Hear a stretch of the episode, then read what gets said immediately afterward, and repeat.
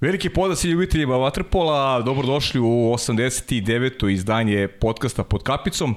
Bavit ćemo se aktualnim temama, naravno bavit ćemo se i karijerom jednog repestivca Srbije, jednog e, talentovog momka koji će u budućnosti, verujem, donositi mnogo trofeja uh, srpskoj reprezentaciji i ajde da na početku da posjetim uh, šta su teme, šta se trenutno dešava, dakle play-off u Srbiji počela su polufinalna nadmetanja, Partizan radnički na Banjici, radnički je napravio break, slavio se 11-10 u utakmici koju je Partizan manje više kontrolisao, igrao dobro, ali u finišu su Kragujevčani bili neko stabilni, imali malo više i sportske sreće i došli do vostva 1-0 u drugom polufinalu Novi Beograd koji je rutinski savladao ekipu Šapca, pobedio sa 12-6 i za očekivati je da Novi Beograd kao glavni favorit za titulu da i u revanšu budu uspešni u Šapci i da eto u velikom finalu najverovatnije sačka ekipu Radničko, ali vidjet ćemo krajnju subotu da li Partizan može do, do revanša u Kragujevcu u subotu. S druge strane,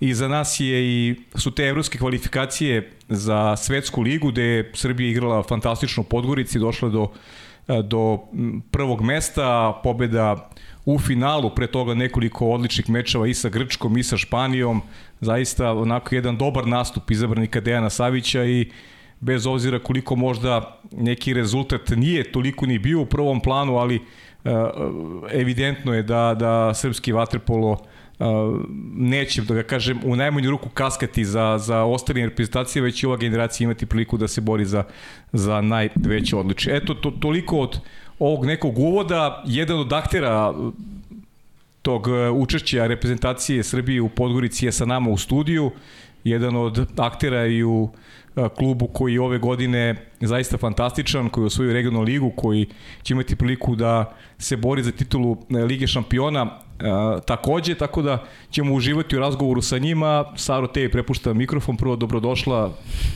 Kako bilo u Budimpešti? Se lepo provela, odmorila? Ne, pa evo, vraćam se u, u realnost. Drago mi je da evo, pravo iz Budimpešte sam došla u ovaj studiju i imam priliku da, da razgovaram sa uh, pa nekim, sa čovekom koji će biti budućnost našeg srpskog vaterpola. Sa nama u studiju na kraju univerzuma je vaterpolista Novog Beograda i trenutno reprezentativac Srbije Draško Gogov.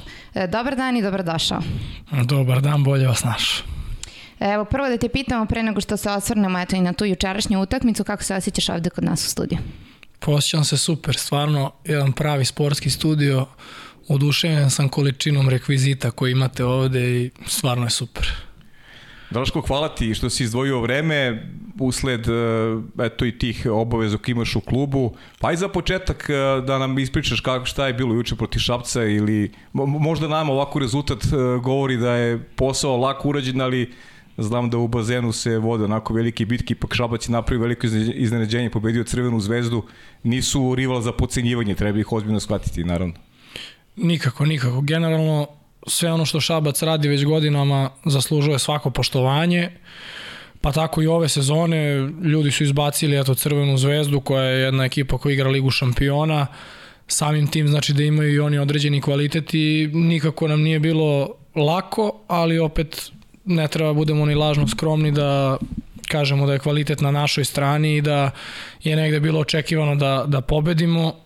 Možda rezultat to ne govori, ali svakako da nije bilo baš lako. Eto, bilo je trebalo je, trebalo je ovaj, zaslužiti tu pobedu u bazenu. Uh mhm. -huh. Jer negde za očekaj sad mi ovako koji, koji gledamo to sa strane, negde verujemo da je u Šapcu Novi Beograd je favorit, jer verujem da se vi spremate za to da seriju završite već u subotu.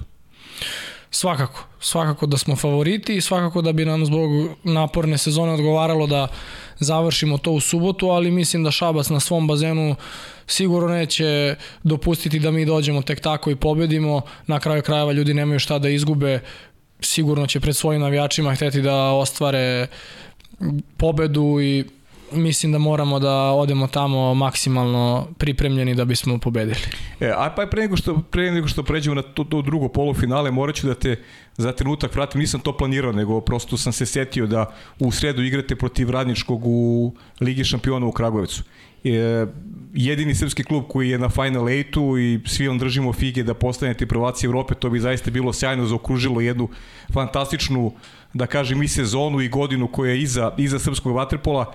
E, I pravite projekciju negde vi između sebi igrači, šta bi vam bilo najbolje u četvrfinalu, e, u Kragujevcu vam mnogo toga zavisi, jer u slučaju pobede e, imali biste bolji, bolji rezultat e, u grupi, što bi, eto, ne biste igrali možda u prvoj rundi protiv Pro Reka. Sad, da li računica, znam da je onako neka, kad je srpski vaterpol u pitanju, nema biranja protivnika, ali vi između sebi igrači, kako, kako gledate na, na, na, na rasplet u grupi i, i tog utakmicu koja vas čeka u Kragujevcu? Da, da, to je poslednje kolo koje nama može da donese drugo, treće ili četvrto mesto uh -huh. u mhm. grupi. Ono što, sa, ono što jedino znamo da ne možemo da budemo prvi u grupi. Uh mhm. -huh. E sad, tu ima raznih teorija. Ako budemo treći, onda najverovatnije idemo tamo na Marsej, pa posle na Brešu koja je prvo plasirana u našoj grupi. To je jedan put ovaj, i onda kao na proreku u finalu, jer Reko je već viđen u finalu kao i svake godine, ali treba sačekati to da vidimo da li će oni doći do finala. Uh -huh. Druga neka opcija da budemo drugi, gde bismo onda išli na trećeg tamo, to je jug, pa onda polufinale opet ovaj, Reko.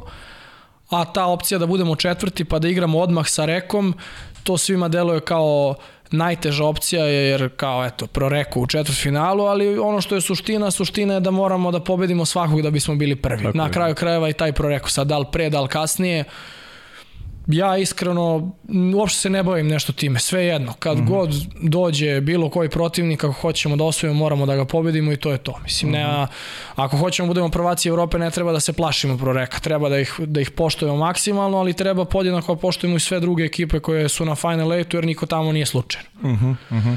Tako da, eto, to je to. Mislim, sad, eto, mi, mi pričamo o, o svemu i svačemu, ali više to u domenu neke teorije kako bi to moglo da izgleda. Suština nam je svima jasna, to je da kogoda nam dođe idemo da pobedimo i da budemo prvaci Evrope. Mislim, mm -hmm. to je jasno.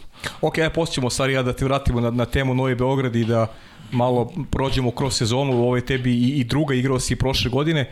Uh, ajmo da, da, se, da se fokusira malo na tu Podgoricu koju smo najavili uh, na, na početku emisije. Zaista sjajno izdanje reprezentacije u, uh, u, u, u Crnoj Gori i generalno uh, tvoj neki, ajde da kažemo, povratak uh, kada pričamo o nekim ajde ne kažem, nije sad ovo neko veliko takmičenje, ali opet takmičenje koje je probudilo onako uh, negde, negde i, i, i javnost, uh, svi smo manje više gledali putem malih ekrana te nastupe reprezentacije Srbije i negde došli do onako jednoglasnog zaključka da Srbija ima ozbiljnu perspektivu i da taj, taj, ta neka niska medalja može da se nastavi sa ovom generacijom koju, koju, koju si ti takođe.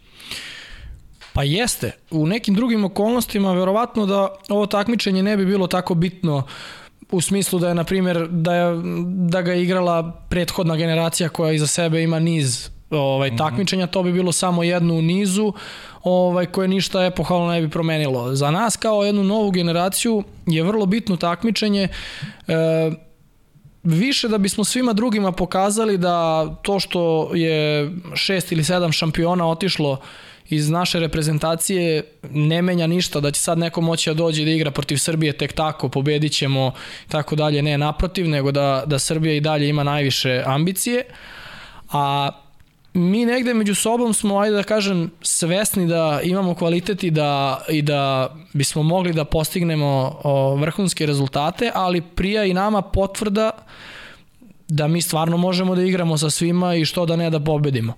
E sad, Što se samog nastupa tiče, bilo je dobro, svakako da je, svakako da je više pozitivnih stvari nego negativnih, ali mislim da još rano pričati o nekom sad, ne znam, vrhunskoj igri ili bilo čemu. Daleko smo mi još od toga moramo, ono, ko što je selektor rekao, još dosta, dosta da radimo na svim segmentima igre i na, na stvaranju tima, nekog zajedništva, svega, da bismo mogli da pričamo o nekoj vrhunskoj igri, vrhunskom nastupu. Ali svakako da, mislim, prija kad se pobedi na bilo kom turniru, naravno da prija. Da, ono što, ono što jeste neka, neka, neka ideja I ono što je najvažnije, da se napravi ta neka hemija među vama. Vi se manje više se vi dobro poznajete iz tih nekih mlađih repestivnih selekcija, igrati u klubovima zajedno, pa to je možda i najvažniji segment uh, kako se onako slažete jedni s drugim ono što je ova prethodnu generaciju učinilo toliko jakom je upravo to zajedništvo koje su imali i pratilo ih je bukvalno od početka i do kraja. Suda različitih karaktera, ali kada su zajedno u bazenu to je onako delovalo kao jedna mašina koja melje sve pred sobom. Slažem se, slažem se skroz. Mislim, svakako treba da se ugledamo na, na tu prethodnu generaciju, ali opet treba da budemo svoji i da, mm. da ostavimo neki svoj pečat i da utvrdimo, da kažem, pod znacima navoda neka svoja pravila ovaj, kao što u ostalom i svaka generacija imala i, i prethodna i sve generacije pre te, tako da, kažem, treba da se trudimo da od svih tih generacija pokupimo najbolje, ali da na kraju ipak budemo svoji. Uh -huh. ja, meni nekako delovalo opet sa strane ta Španija koja je e, već godinama unazad najveći rival Srbije, ajde da malo prođemo kroz, kroz tu kroz samo takmičenje. Opet ta Španija najteža nekog utakmica, makar je to meni delovalo ili, ili, ili tebi to tako izgleda u bazenu, e, šta ih to čini toliko ovaj, prepoznatljivim i da li misle da će u budućnosti Španija upravo biti onako najveći rival, da ne računamo ekipe koji nisu prosto bile na, na, na ovom turniru? Apsolutno.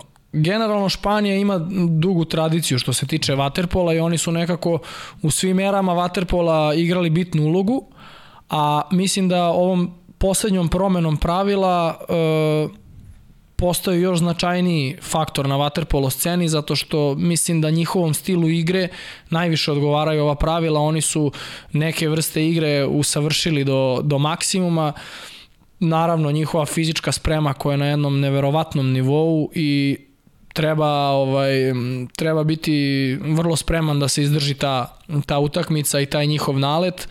Ovaj postoje još tu neke druge stvari koje možda ne bi, o kojima možda ne bismo trebali da mhm. pričamo, gde okay. oni ovaj, imaju uh, jednu lepu podršku, ali to je sve da kažem, to sve potpada pod eto da kažem pravila igre i ukoliko hoćemo da pobedimo Španiju, moramo da budemo spremni u svakom smislu maksimalno, pošto kažem, stvarno momci imaju neverovatan kvalitet, u nekim segmentima su doveli igru do savršenstva, imaju još mm, dosta faktora koji njima idu na ruku, ali eto, nisu nepobedivi, ali uvek lepo, uvek je lepo i, i teško pobediti ih. Uh -huh. E, kaži mi kako si ti zadovoljan lično nekim svojim igrama, svojim nekim pečatom, uh, učinkom u timu, pozicijom, uh, prepostavljam da je da je cilj za ovo ovo leto uh, igrati na svetskom i evropskom prvenstvu cilj nije igrati, cilj je osvojiti evropsko i svetsko prvenstvo. Okay. Malo neskromno to da kažem, ali mislim da, mislim da tako generalno razmišlja svaki pojedinac u, u, u našoj reprezentaciji, odnosno svaki kandidat, svi smo mi kandidati za mhm. reprezentaciju.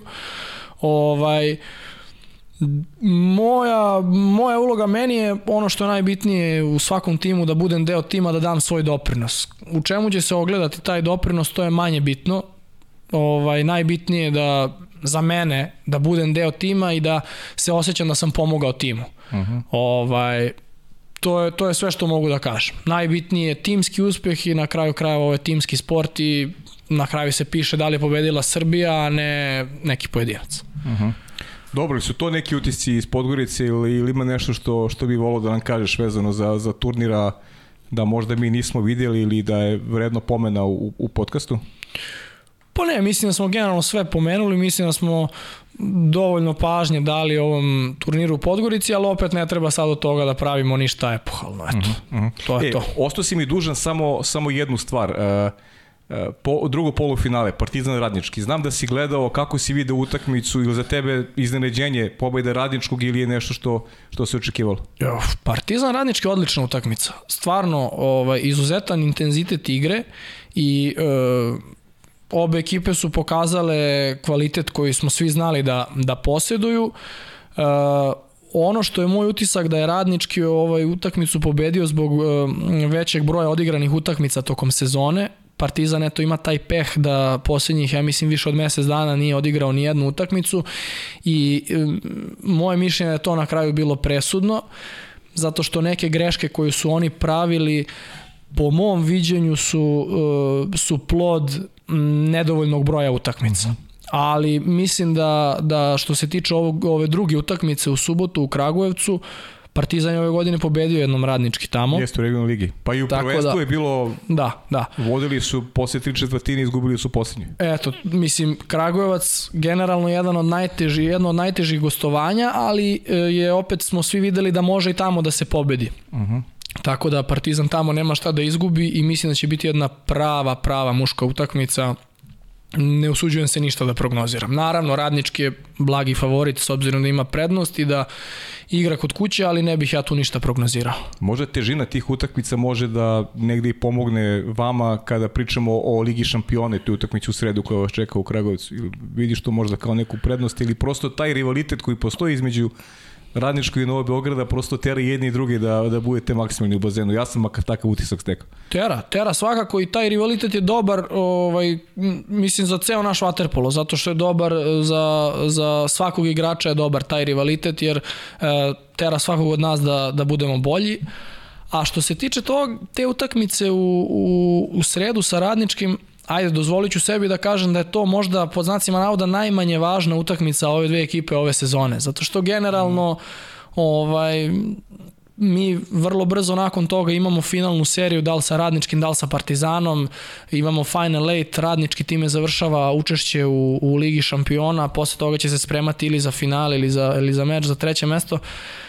Tako da mislim da ta utakmica m, će jednima i drugima služiti kao neka usputna stanica za, za uh -huh. kraj sezone. Ok, ajde vraćamo se neke aktualnosti kasnije. Saro, mikrofon je tvoj. E, Tako je, i mor, ne znam da li ćeš mi zameriti, ali ću se vratiti unazad ne mnogo, e, s obzirom da ovde u našem studiju je bio i Slobodan Soro koji je pričao o toj regionalnoj ligi, eto, pošto ste osvojili tu regionalnu ligu, da nam e, napraviš neku retrospektivu tog turnira, e, negde se pričalo o tome kako je raspored bio katastrofa, igrali ste i po dve utakmice u toku dana, pa eto sa te pozicije igrača koliko vam je to bilo naporno? Jeste, to je stvarno nesvakidašnje u, ovaj, u, u seniorskom sportu, bilo kom, da se igraju dve utakmice u jednom danu, to mislim da smo poslednji put igrali kao klinci na nekim turnirima i to je stvarno ovaj, jako, jako zahtevno i mislim da je najveći rezultat za jednu ekipu na takvim, u takvim okolnostima da završi turnir sa svim zdravim igračima, bukvalno. Tako da stvarno vrlo, vrlo težak vrlo težak sistem takmičenja, ali opet kako je bilo svima, tako je bilo i nama i mislim da su se svi trudili da negde no, ovaj, tu pored što boljeg rezultata prođu što bezbolnije ovaj, na, na tom fizičkom planu, zato što sve te ekipe koji igraju regionalnu ligu igraju i ligu šampiona, Len Kup, domaća prvenstva, tako da ne znam, moje mišljenje je da bi bilo dobro da se pronađe neki bolji sistem takmičenja, verujem da je to izvodljivo jer ovo je baš onako naporno. Uh -huh. Dobro, vratit ćemo se vrlo verovatno opet i na tu uh, regionalnu ligu, ali ja te vraćam nazad, vraćam te na tvoj početak i evo prvo pitanje, zašto baš Waterpolo? Waterpolo, pa sasvim slučajno.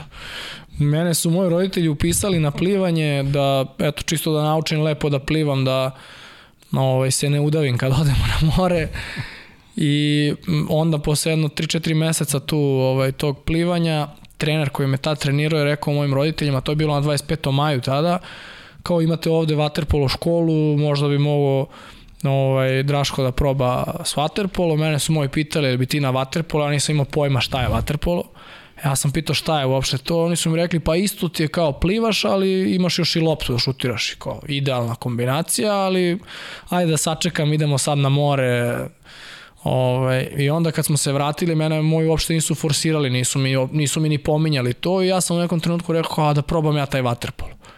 Kao ajde da probaš, odveli me na bazen i eto to je. Bukvalno tako sam počeo. Dakle, počeo si u, u Crvenoj zvezdi i da li možda može da se setiš ko te ta trenirao i sa kim si trenirao? Da li ima neko ko je, koji danas ostao u Waterpolu u tim tvojim prvim, od tvojih prvih dana? Pa da, da, trenirao me prvi trener bio Jasmin Halilović u, u, u toj, ovaj, on, je, on je dan danas Džale, trenira, Džale, ovaj, da. trenira klince u Zvezdi. Pozdrav, Pozdrav za Džale. Čuli da. nije posle pitanje, iznenađen sam, morate priznati. Pa ne znam, to ćemo on i ja da... da, rešite, rešite. Uglavnom, da, on mi je bio prvi trener i tu ja sam tu trenirao sa malo starijima, ali ovaj, onda posle toga kad, je došla, kad su došli godinu dana stariji i, i moja generacija, godinu dana mlađi, tu sam ovaj, tu u ekipi, eto, Đole Lazić, olimpijski šampion, e, ne znam, Nikola Nikolov koji je igrao prošle godine uh mhm. -huh. sa mnom u Novom Beogradu, sad je u, u Vojvodini, e, Lazar Brakočević, golman, uh mhm. -huh. on je u, u Oradeji sada, Eto, ako sam nekog zaboravio, izvinjavam se, ali, ali mi smo bili ovaj, tu ovaj, trenirali.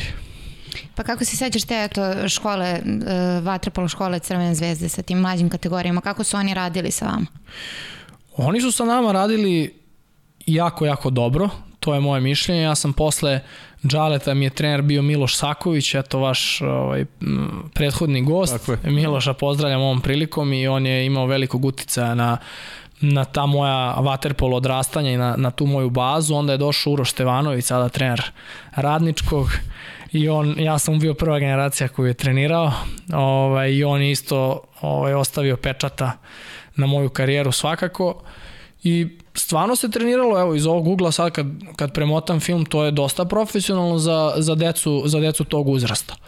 Ali prosto mi smo tad bili klinci, nama je jedina želja bila eto da igramo, da, da pobeđujemo i mi smo bili spremni da radimo sve što nam trener kaže. E sad oni koji su bili spremni da ovaj da ne odustaju, ti su i nastavili da igraju waterpolo i da kažem ovaj postigli neke rezultate oni koji su bili manje ovaj spremni da se odriču nisu postigli u waterpolu ovaj rezultate ali generalno ima tu puno momaka koje ja sad ne pominjem jer nisu poznati u, u waterpolo krugovima, ali koji su danas uspešni ljudi, uh mhm. -huh. završili fakultete, imaju neke svoje poslove, tako da ovaj, generalno nam je svima to donelo dobro, ja mislim.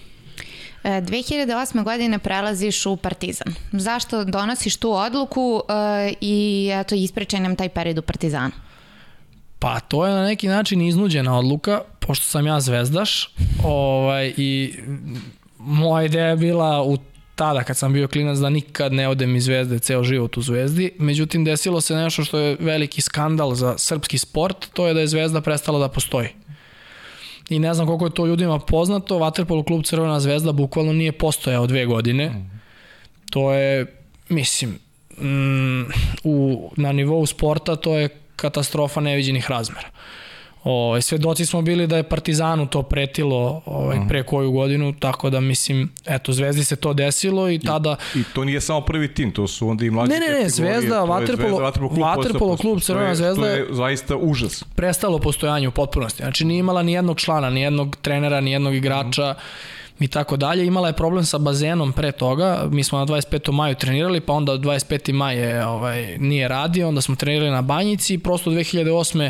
u avgustu klub se potpuno ugasio. Ja sam igrao tu neki turnir za mlađe kategorije, mislim da to čak bio poslednji turnir koji je ta zvezda odigrala. I onda je ovaj, iz te zvezde nastao da novi klub Singidunum i ja sam imao o, dilemu da li da idem u Singidunum ili u Partizan. Uh, ja sam prosto želeo da idem u Partizan tada, zato što Partizan je uvek bio ovaj dominantan i nekako sam hteo, moje razmišljanje tada bilo ako nešto vredim, onda ću da uspem tu u Partizanu, ako ne vredim, bar ću na vreme da shvatim da treba da... Da nisi za to. Da, nisam za to i da treba da batale. I tako sam otišao u Partizan, eto. Uh mhm. -huh. Kako se sećaš onda tog perioda u Partizanu? Pa taj period u Partizanu onako nekako sve, sve iz početka. Došao sam tu, sve te momke sam poznavao, igrao sam protiv njih, ali sad je bilo potrebno izboriti se tu za svoje mesto. Tu mi je bio trener Kole, Nenad Kole. Vasilovski, čuveni Kole, da. E, gde onako, prvi susret sa Koletom je bio šok. Čovjek koji mi kaže sve što si naučio, sve moraš da zaboraviš, kao sad krećeš nula. Ja ubeđen da kao nešto znam, međutim, stvarno Kole mi je, Kole mi je puno, puno pomogao te sezone i njega ne mogu da ne pomenem kad pričam o svom, o, svom waterpolo putu. I onda posle, eto, prošao sam kroz sve te mlađe kategorije, igrao sam tu za svoju generaciju, za nešto starije, igrao sam onda za prvi tim Banjice i, ovaj, i na kraju došao do prvog tima Partizana i sa dosta ovih momaka koji dan danas igraju. Eto. A ko je bio od tih starijih tada kada si došao u Partizan? Na koga si se negde ugledao, da kažem, i, i, i težio negde, eto da možda uh, postaneš kao neko od njih? Pa, ti momci s kojima sam trenirao su bili stariji od mene godinu, dve dana. Aha, to pa do. To... Tako da ne mogu da kažem da sam sad težio da budem kao neko Da. od njih, pošto smo već zajedno trenirali, već smo se takmičili, ovaj, ali, ali svakako da je tu bilo dosta, dosta kvalitetnih igrača. Da li se sećaš e, debitovanja za prvi tim? Sećam se. Uh, to je bilo uh, 2011. godine i bila je u pitanju Euro Interliga. To je liga koja, koju su igrali srpski klubovi sa mađarskim klubovima i mislim da su igrali i klubovi iz Rumunije. I ovaj, ja sam tad igrao za Banjicu, koja je eto, drugi tim Partizana i bio sam, bili smo ovaj, u, u teretani i samo je došao baš Uroš Stevanović i nas par prozvao i rekao da mi treba da debitujemo za prvi tim sutra i debitovao sam na utakmici protiv Pečuja gde sam eto posle da, da, da, sam posle otišao da, da igram. Inače je to sezona gde, gde je Partizan postao prvak Evrope. Ovaj, to je sezona 2010-11 i stvarno je bila čast, mislim, u tom trenutku. Mislim, na toj utakmici kapiten nam bio Duško Pjetlović. Aha, da, aha. Pa i si si dao gol Peču, nisi? Yes. Jesi? yes. Baš mi čudio. Pričat ćemo Hoćemo- nešto kasnije o tim hoćemo golovima. u Da. Mađarsku ili ćemo da se još... Pa ne, ne, ne, da završimo Partizan, ovaj, ne, trofeji, šta, šta, si, šta je ono što pamtiš vezano za, za celu, ajde kažemo, organizaciju, druženje, ono što si naučio, a, trenere, da li si osetio kroz taj period u Partizanu i neki svoj napredak i eto, o, u, konačno, u konačnici spoznao si da si ti taj. Znači da od vaterpola možeš da, da i da živiš i da uživaš u igri. Da, da. Pa taj ulazak u prvi tim Partizana je ovaj je ajde da kažem kruna nekog eh, rada u tim mlađim selekcijama. Uh -huh.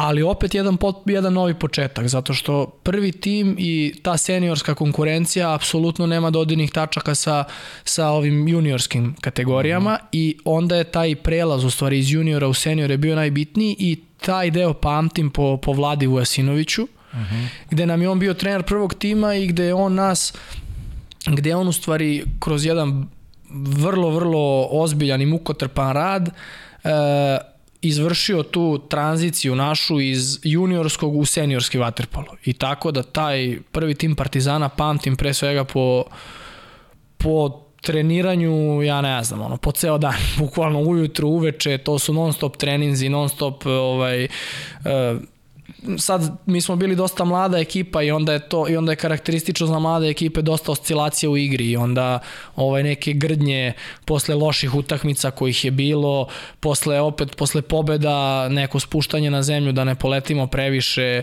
analiza svega toga i ovaj ali prelep neki period, to je eto od neke 18. do, do 21. godine gde smo mi sad ovaj postali da kažem momčići svi onda i to, to druženje naše i izlasci uh -huh. putovanja igrali smo dosta utakmica i tada dosta putovali generalno smo jako jako puno vremena provodili zajedno i ovaj to je sigurno jedan period koji ću da pamtim čitav život eto osvojili smo dva prvenstva osvojili smo jedan kup igrali smo u Ligi šampiona, ne mogu, uopšte, ne mogu da kažem da smo igrali neku marginalnu ulogu, ali opet nismo se nešto, nismo bili neki vrlo bitan faktor. Niko nije mogao da dođe na banjicu da se naigra, to je svima bilo jasno i onako nama kao klincima imponovalo, ovaj, a opet nismo ni mi mogli nekome da pretimo nešto preterano, nego smo eto tu završavali takmičenje u grupnoj fazi, uvek smo nekome uzimali bodove, što je za nas bilo ovaj što je za nas bilo dobro tada i mislim da eto ta ekipa da je da je ostala da bi u perspektivi mogla da igra vrlo bitnu ulogu i zapaženu ulogu u Ligi šampiona čak. Pa ajde, sad ti si ti si malo iskroman, ali ja ću reći ono što što znam iz vaterpolo krugova da se da se ne pravim ja previše pametan, ali za tvoju generaciju su govorili da je najtalentovanija koja se pojavila posle posle dužeg vremena i da je upravo ono što vam je nedostajalo, taj neki kontinuitet, ovo što sad ima ova generacija svetskih juniorskih šampiona, da igraju uz vas starije i da, da mogu tu da stasavaju, je vi to niste imali, nego ste bili prinuđeni da odlazite i pre vremena, da ste ostali malo duže, a moram još jedno stvar da kažem, ono što su ti pričali tvoji prethodnici, vlada koji se postavio kao da je profesor na koleđu u uslovima koji nisu bili pravi uslovi za, za rad mladih sportista, neko vas je držao na okupu, naravno velika doza rada i njegove energije prosto nije morao to da radi u okolnostima kakvu je karijeru imao i bez nekih ajde da kažem nekih finansijske dobiti već neko čista energija, čisto srce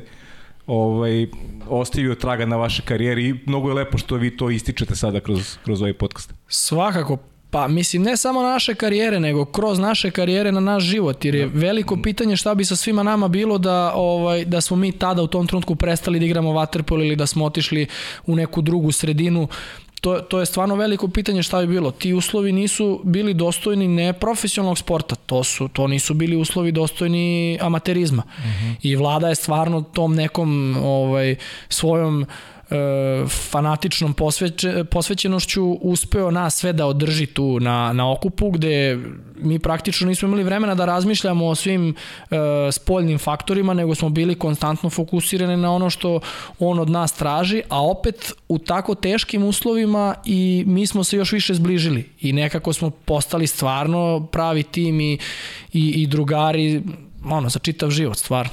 Mhm. -huh. Ništa, da li su upravo ti uslovi i, i taj finansijski moment okidač bili da ti odeš iz Partizana u Mađarsku? Jeste.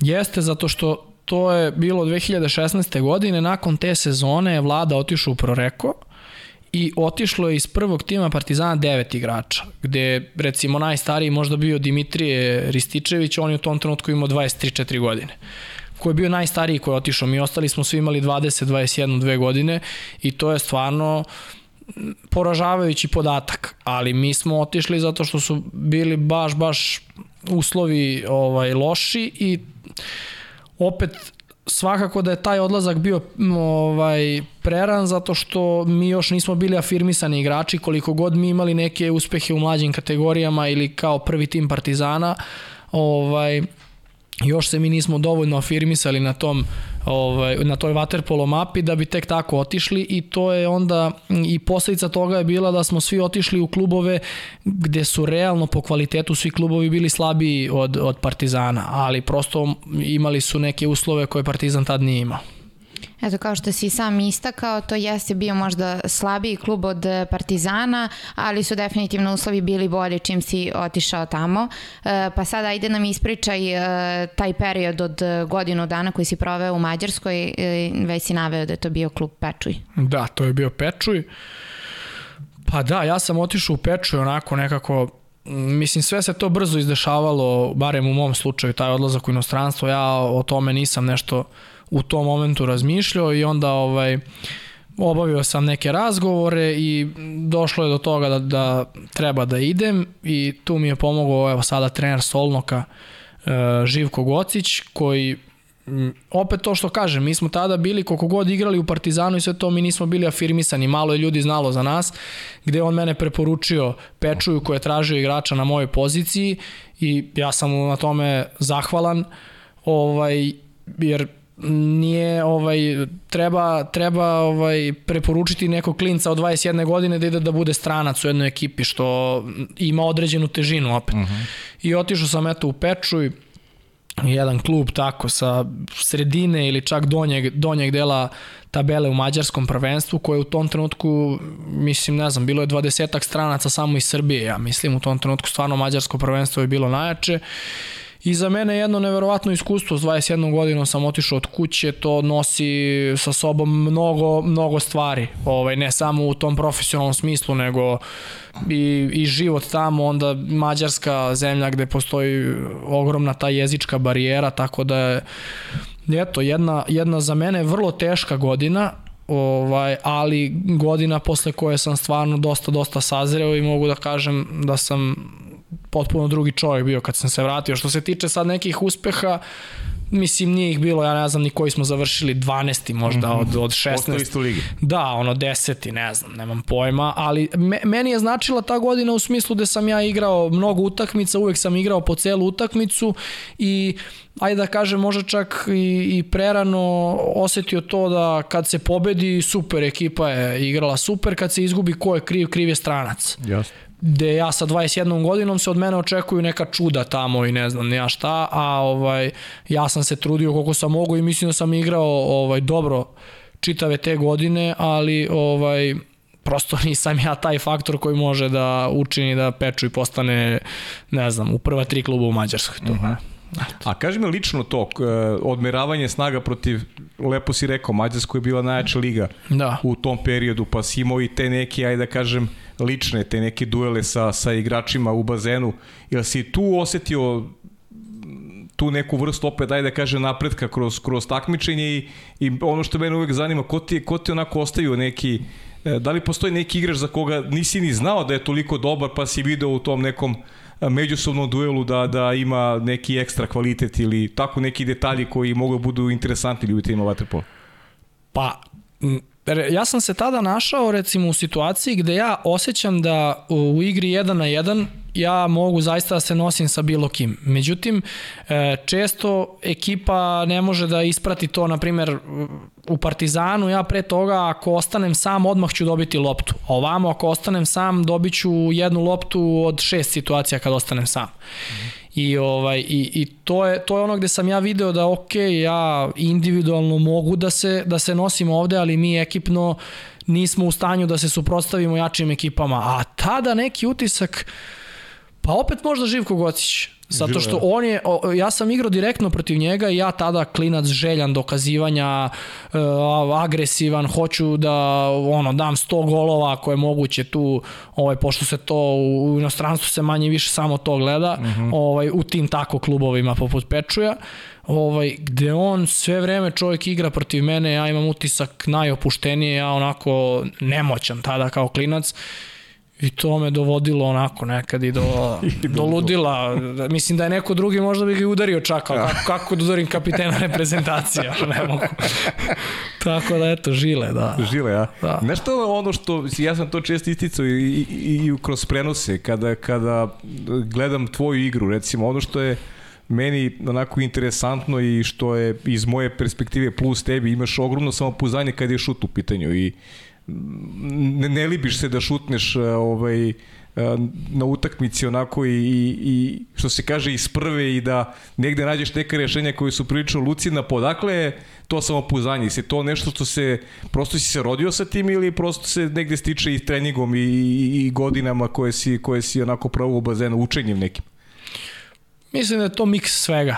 Hmm. Mislim da se čovjek sa tim i rodi, ali da onda treningom i uh, bezbrojnim ponavljanjem nečega prosto stiče određenu sigurnost. Mo, ne znam, to eto ti kažeš da to tako deluje, ali svi mi igrači nekad imamo ovaj momente kada nam samo pouzdanje nije baš na tom najvišem. -huh. nivou, pa se to onda taj period se onda ovaj nekako prebrodi opet nekim treningom i, i ponavljanjem nečega što si već radio hiljadu puta pa sad ponoviš još ne znam koliko puta da bi e, povratio to samopouzdanje na taj neki na taj neki prepoznatljiv nivo ajde da kažem. Tako da mislim da je to da je to miks svega. Uh -huh. A kako se neko ko ima 21 godinu prilagodi životu u Pečuju posle ovaj posle ovaj posle Beograda. A? Pa teško, baš teško. To je bilo Mislim, ne znam šta da vam kažem. Stvarno, bez teksta sam. Uz dužno poštovanje, ne želim stvarno nikoga da, da omalovažim, ali je to jedan, jedna sredina koja je potpuno drugačija od ove ovde sredine na koju smo mi navikli. I ja sam siguran da ima ljudi koji zaista uživaju u, u, u, u takvim sredinama. Ja nisam neko ko, ovaj, kome to baš prija, toliko, tako da eto, koristio sam svaki moment da, da dođem za Beograd. Bilo je tu dolazaka i na po jedan dan, na po pola dana, na dan i po, tako da onako... da se napune baterije. Da se, da, solidna kilometraža ovaj, te no, sezone. Usavršio si vožnje, znači. Da, I da, to da, pomoglo ti da malo usavršiš vožnje. Tako je, tako je, tako je. Hoćemo na video pitanje? Može, ajde, ajmo idemo na video pitanje. Pozdrav svima. Ovaj, ovako imam za, za Draška par pitanja, svi su vezani na više manje istu temu. Prva da mi kaže kako mu je bilo u, u Italiji, odnosno u Trstu, koji mu je najdraži trener s kojim je radio u Trstu i zašto baš Daniele i kako mu je bilo živjeti sa Vicom. Pozdrav svima, uživajte. Pozdrav za Kristijana Milakovića, veliki hvala na učešću. Pozdrav, veliki pozdrav za Kristijana, dobra su mu pitanja. Pa u Italiji je bilo fenomenalno, ali ovaj, lakše mi je bilo kad sam igrao protiv njega nego sa njim. Šalim se, a što se tiče ovog e, drugog pitanja, preskočit ćemo, a što se tiče života sa vicom, to je to je iskustvo koje se ne može platiti novce. To je nešto... Mislim da kad... Od ljubavi do mržnje i obrnuto. Pa i tako milion puta ovaj, u, u jednom danu. u jednom danu. da. Pa bio je i Vica ovde, stvarno, ovaj, šalu na stranu, uh, nas dvojica smo se jako zbližili, mi smo i pre toga igrali zajedno, ali tu smo se baš, baš zbližili i te naše tri godine u Trstu, ja mislim da moglo bi da se ovaj moglo bi da se snimi jedno pet sezona neke serije, ovaj da smo imali te, da smo imali kamere sve vreme u stanu, ali na kraju ono što je najbitnije da smo nas dvojica stvarno uh, postali pravi prijatelji i da ja sam dosta toga naučio što od njega, što iz života sa njim, gde prosto nas dvojica smo potpuno drugačiji, a opet naučili smo da moramo da, da poštujemo ovaj, različitosti i to što nekome nešto prihvatljivo, nekom drugom nije i tako dalje, da naučili smo da funkcionišemo, stvarno, izbližili smo se i na kraju krajeva bilo je dosta teških trenutaka gde smo jedan drugom bili tu podrška, nismo imali nikoga sa strane ko bi nas tu ovaj, u pojedinim situacijama bodrio. Uh -huh.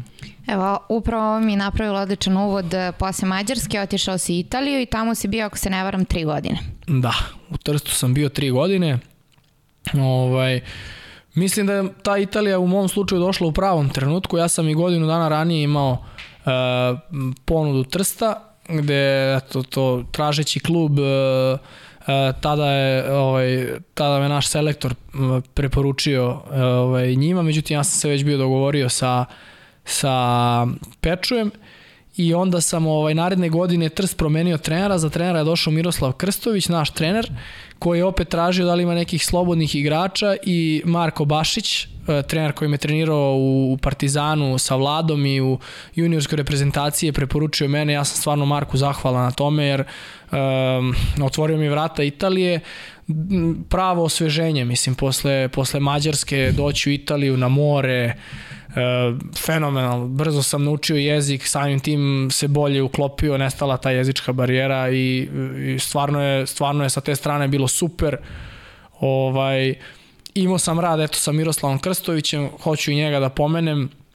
Ovaj, njemu sam njemu sam dosta zahvalan što imam šut uh, ovaj mhm. kakav imam. Uh, on je dosta radio sa mnom na tim nekim individualnim stvarima što se tiče šuta tako to tako da ovaj mu dugujem stvarno zahvalnost na tome.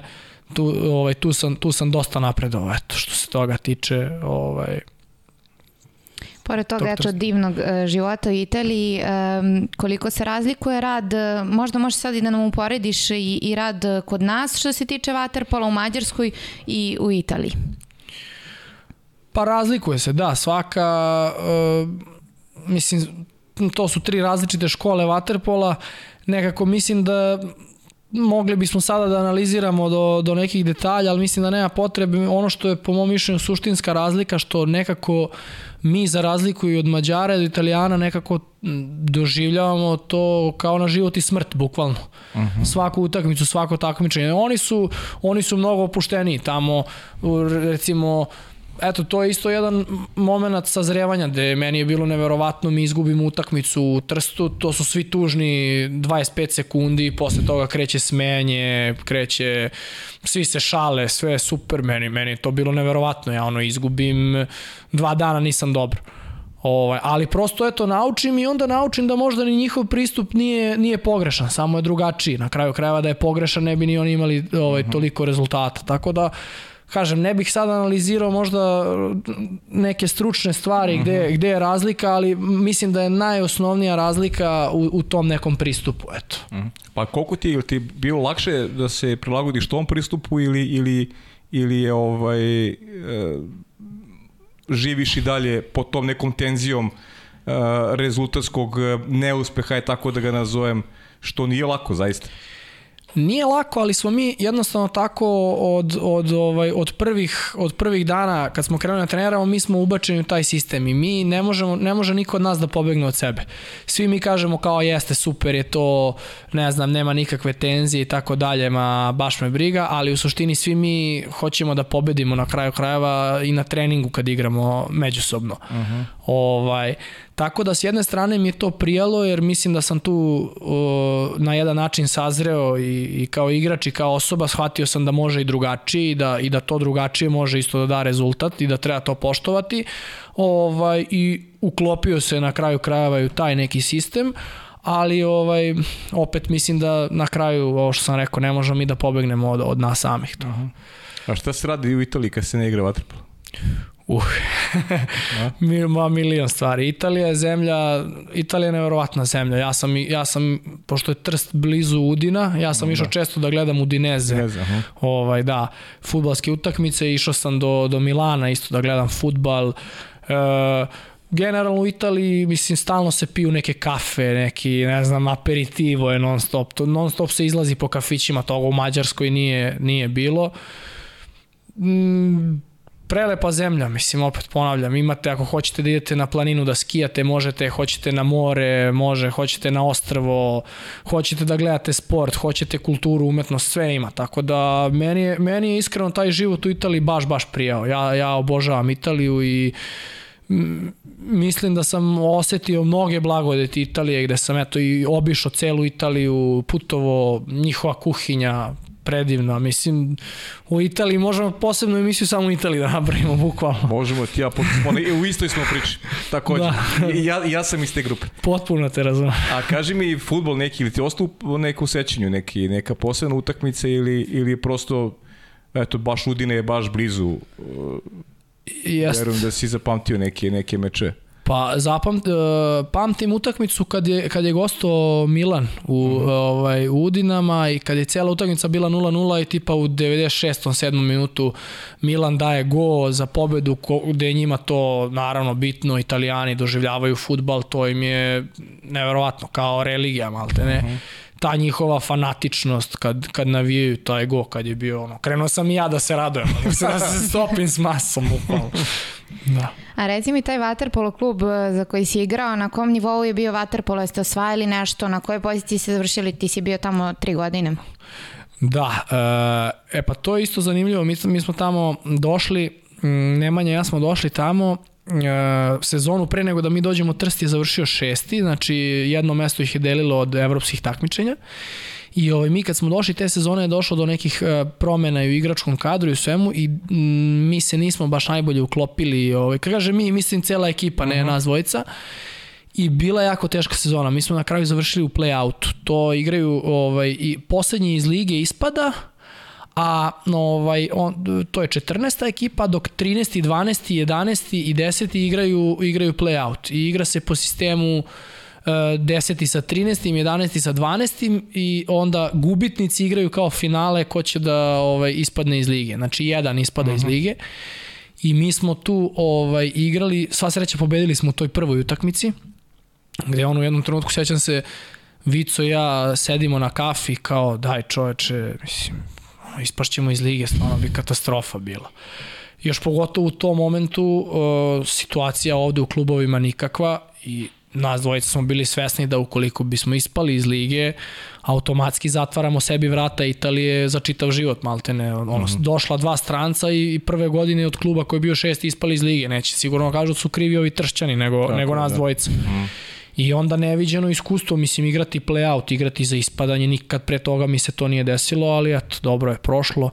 Onda druge sezone smo bili već dosta bolji, tu smo bili negde na, na sredini tabele, mm -hmm mnogo, smo, mnogo smo konkurentniji bili čak i u tim utakmicama gde nismo pobeđivali i da, bi, da bismo treće sezone na kraju završili peti, što je evo do ove sezone najveći uspeh Trsta gde, gde je Trst na taj način tom petom pozicijom izborio Evropu, tako da od ono što se kaže od korak do ispadanja do, do ulaska u, u Evropsku takmičenje, to je kao neka futbolska priča. Da. A kaže Vico da, da je nedostajalo treninzi su mu nedostajali, da, da se manje trenira nego što, nego što je to slučaj ovde. Pa mislim da Vico nije baš kompetentan da, da priča o tome. Pa trenira se manje, da. Manje. Trenira se manje, ali opet opet kažem, oni su oni imaju neki svoj sistem i taj sistem daje rezultate. Oni su na to naviknuti. To što je to što je Vicu možda bilo manje treninga, Aha.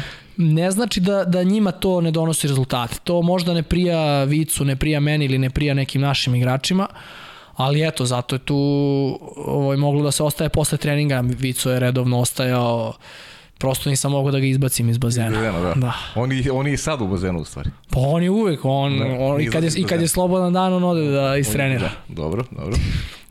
Treba nastaviti sad posle ovog izlaganja, da. Ovo ćemo na sledeći video pitanje. Ajmo, ajmo. Možda ćemo baš njega da čujemo. Ćao, pozdrav svima u studiju. Pitanje za mog Žakija. Kakve ga uspomene vežu na ovaj lepi bazen ovde? Pokaži covi, molim te. Drugo pitanje, zašto ga zovem Žaki? Treće pitanje, na kojoj utakmici je dao najviše golova, ako se seća? I četvrto pitanje, gde je jeo najbolju pitu ispod sača? Pozdrav svima. Mog Žakija. Pozdrav za Dimu. Pa to Žaki to je iz jednog našeg filma turneja, pa ovaj neka replika koju eto nas dvojica koristi u internoj komunikaciji. A za ovaj bazen me vežu, vežu sve najlepše uspomene. Uh -huh. Mogu slobodno da kažem hram Waterpola i ovaj mnogo teških treninga, ali mnogo i lepih utakmica i svega mnogo drugara, ne znam šta je bilo još od pitanja. Najviše golova. golova. Najviše golova, pa to verovatno nešto ko klinac, ne znam. Ovaj, A pričate neku utakmicu si dao zaista mnogo golova. Ne, ne, znam, ne znam šta je to. To je još neko pričao o tome. pa dobro, to ko klinac kroz te mlađe kategorije, ali ne znam koliko je to sad ovaj, Pa dobro. bitno. ajde. Pohvali se, pohvali se. Da, da, pa dao sam, stvarno ko klinac sam dao, baš. Mislim, ovaj, ne, ne znam sad baš tačno. Ok. Ovaj, a najbolju pitu ispod sača u Višegradskoj banji, tu me e, vodio Dima. Vidim ja da vas je on sve sproveo tamo po Višegradu. Pa to je neizostavni deo odrastanja. Deo kulture. Pa normalno, da, da, da. Vaterpolo kulture, Da. dobro. Ništa, ajde, vraćamo se sad. e, Tri godine si bio u Italiji i nakon toga se vraćaš u Beograd. Da, nakon tri godine ovaj, u Italiji e, dolazim u, u Novi Beograd, e, opet na poziv Vlade Vujasinovića, e, gde se eto napravila ta neka nova priča sa Novim Beogradom i mene je Vlada pozvao gde je već sastavljena jedna jako dobra ekipa i stvarno nisam imao dilemu ovaj, da li da dođem jer nekako mislim da sam već e, mislim da sam već nek, na neki način uh, da, bi, da, bih, da bih dalje napredovao u Waterpolu mislim da sam morao da odem iz, iz Trsta pošto mislim da sam izvukao maksimum iz te sredine i došao sam u Novi Beograd gde stvarno već bila, eto, bili su igrači poput Ćuka, poput Avre, ne znam, Uh, bio je Dima tu, bio je Đole koji nam je sad trener, tako da napravila se jedna dobra ekipa sa ovaj Vladom na čelu, gde su ambicije bile najviše i to mi je da kažem i falilo da u inostranstvu da se borim za trofej. Znao sam da ćemo se ovde boriti za osvajanje i, i kupa i prvenstva i da to neće biti lako što opet daje čar i stvarno sve se, sve se nekako poklopilo uh, situacija ovde u klubovima uh, je došlo na jedan dobar nivo i nisam, nisam imao razloga da, da ne dođem. I dobra sezona, Draško. Generalno, dobra sezona za, za početak, ajde da kažemo neka prva prava sezona Novog Beograda u, u elitnom društvu i imali ste priliku da igrate i finale play-offa i to su zaista bile odlične utakmice sa, sa radničkim u suštini. Ajde kad saberemo sada, vi ste možda u tom prvom meču i ispustili možda i titulu u Kragujevcu, imali ste odličnu priliku za break, dva gola prednosti i onda oni čuveni penali i Todorovski koji se specijalizovao prošle sezone da. za, za peterci i manje i više radničko, ajde ne kažem doneo sam, pošto to je timski sport, ali uticao i tekako da radničko osvoji dva trofeja na, Da, da, da, na, da. na peterce. Jest, jest. E, generalno ne možemo da kažemo e, ne možemo da kažemo da je neuspešna sezona. Uh -huh. Ne možemo da kažemo ni da je uspešna, ali ali daleko od toga da da je ovaj da je negativan utisak. E, cele te sezone je nas pratilo milion nekih pehova. Mi smo u prvom delu sezone imali ne znam koliko pozitivnih na koronu. Eto, ja sam imao, ajde da kažem, tu sreću da sam imao koronu preko leta, tako da sam ovaj, ušao u sezonu gde sam već preležao koronu, pa hvala Bogu nisam dobio ponovo i nisam ovaj, imao, ovaj, nisam, nisam izostajao sa treninga i utakmica, ali nama je, ja mislim, jedno desetak igrača tokom sezone imalo koronu, -hmm. gde smo se mi, uh, ono, narodski rečeno, krpili, dovijali, više, ne znam, bilo je situacija gde smo igrali utakmice sa po jednom, dve zamene, mislim, mm -hmm baš, baš, baš teška sezona i ne treba zaboraviti ni prvo učešće Novog Beograda u evropskim takmičenjima, igrali smo Len Kup. Tako je gde po mom mišljenju smo ispali od Vuljagmenija, od kog smo bolja ekipa bili, to mogu da potpišem, eto, nesrećno smo ispali i to mi je stvarno krivo. Uh -huh. To mi je baš krivo, E, ne kažem da bi mi osvojili Eurocup ili tako nešto, ali mislim da bismo sigurno, eto, taj Vuljak meni je posle izbacio mladost iz Zagreba. Jeste.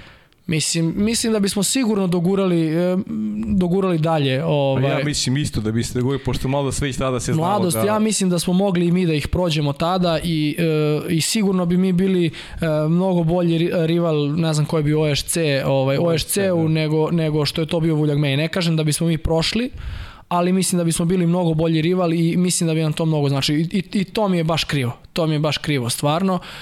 I onda ovaj e, jedna teška sezona generalno jer onda se znalo i da, da dosta momaka tu većina praktično neće ostati i tu uh, treba zaista istaći ovaj, uh, jedan, neverovatan, jedan neverovatan nivo profesionalnosti gde su se svi stavili u službu uh, samo tog, tog trenutka Uh -huh. Znači da, da, se, da se u tom trenutku da maksimum i da se uradi šta može da se uradi. I onda opet nam se dešava peh gde, gde Pera Tomić, naš bek koji je evo i sada deo tima, ima, obnovio je povredu oka i znalo se da je završio sezonu, to se desilo pred polufinale, znači već smo uskrećeni bili za njega i gde onda na treningu pred ovaj pred finalnu seriju sa Radničkim vrlo bitan igrač Mateja Sanović mm -hmm. doživljava povredu nosa gde smo ostali praktično i bez njega i mogu da kažem desetkovani, ovaj, ulazimo, ulazimo u to finale play-offa, gde prvu utakmicu smo bili bolji, uh -huh. realno, ovaj, e sad, izgubili smo posle na peterce, kako je došlo do tih peteraca i sve to ne bi ulazio, ovaj, drugu utakmicu na Novom Beogradu smo glad pobedili i ovaj, onda na kraju ta treća utakmica je realno nama, e, tu treću utakmicu je realno radnički bio bolji, uh, samo tu treću utakmicu, ja mislim. I to čak možda ne ni celu, nego, nego to, to drugo poluvreme kad su oni nas prelomili, gde je došao, mogu da kažem, do izražaja veći broj utakmica koji su oni odigrali te godine, ali i to što nas nas stvarno je u rotaciji bilo manje i opet bilo je momaka koji su izašli iz korone, bilo je momaka koji su završavali karijeru, znači ne možemo da pričamo, ne mož, možemo svakako da, da kažemo da je nivo njihove fizičke spreme u tom trenutku ekipno gledano bio iznad našeg i da je to, da je to prelomilo na kraju. I stvarno mi, baš mi je žao što nismo osvojili titulu, Jer eto nekako, mislim da, da smo svaka čast radničkom stvarno zasluženo, ali mislim da smo mi osvojili da isto bi bilo apsolutno zasluženo. I eto nekako ta sezona prošla krivo mi je zbog tih nekih stvari jer nekako kao da smo uvek bili na, na korak i da onda uvek neka viša sila nas je ovaj, sprečavala. Uh -huh. Ali to si lepo rekao, zaista to, je, to smo i pričali tokom, tokom sezone e, koliko je u stvari teško da si svestan da nećeš više biti deo tima, a da opet negde sebe motivišeš i da ideš, ideš do kraja da izguraš, da izguraš godinu, jer nekako skodno naše mentalitetu, kada ge, pričamo generalno, baš da si ne krasi ta osobina, ali eto u Waterpolu nije, nije to redak primer. Pričali smo ranije i Crvena zvezda kada je bila prvak Evrope, da. da su igrači znali negde u sred sezone da nema novca, ali su izgurali do kraja i postali prvaci Evropi. To je nešto što nekako krasi vas, vas vaterpoliste kroz, onako naučili ste da se borite sa tim nedaćama i da, da, da tražite prosto ovaj, neki motiv više da opet ovaj, odredite, budete pravi profesionalci. Da, da, s tim što mislim, ako poredimo tu situaciju koju imala Crvena zvezda, to je stvarno tim momcima kapa do poda šta su oni izdržali, jer dosta njih, ja mislim u tom trenutku da su bili porodični ljudi i tako dalje i onda to drastično menja uh -huh. ovaj situaciju kada nemate prihode. Ovde je bila, ne bih, ne bih poredio, kažem, ne, ne, ne mogu da stavim znak jednakosti između naše situacije i njihove, zato što naša situacija prosto sve je bilo u redu, izuzev toga što, su, što je većina momaka znala da tu neće ostati, ali to je, to je deo profesionalnog sporta, to postoji u, u svim drugim sportovima i prosto e, ukoliko smo profesionalci kao što jesmo moramo da se izdignemo ovaj iznad toga i da ovaj i da se posvetimo onome što je u aktuelnom trenutku ovaj Ok, upravo si, da. da, malo, je, malo je drugačija priča, ali opet Dru, druge druga, strane, drugačija da, je priča, da. S druge strane, kad znaš da negde nisi ovaj, više negde u fokusu, pa mnogima, da. mnogima bi ovaj, koncentracija bila onako što se kaže ispod rada, ali možda ovo šlagvor za opravo za, na, na priču, za priču o Novom Beogradu. Da. Prosto da nam pojasniš ovaj malo i ti kao igrač sistem, koliko si zadovoljan u tom sistemu, e, kako stvari funkcionišu, da li sada redovna, redovna primanja kao što kao što ih nije bilo recimo u nekim drugim klubovima godinama unazad igrajući u Partizanu, znaš kakve su, da. kakve su stvari bile ranije, pa eto da malo iz pozicije igrača ispričaš koliko je zadovoljan uslovima i svemu onome što donosi eto, taj sistem Novog Beograda koji je onako mlad sistem, ali evo očigledno daje rezultate. Ja sam zaista vrlo zadovoljan, jer mislim, mm, moja karijera je potpuno krenula u nekom drugom smeru dolaskom u Novi Beograd, stvarno. Uh, i mislim karijera mnogih momaka koji su uopšte došli u Novi Beograd. I stvarno taj Novi Beograd uh, je uh, pored toga koliko je igrača doveo, kakvu je konkurenciju stvorio uh,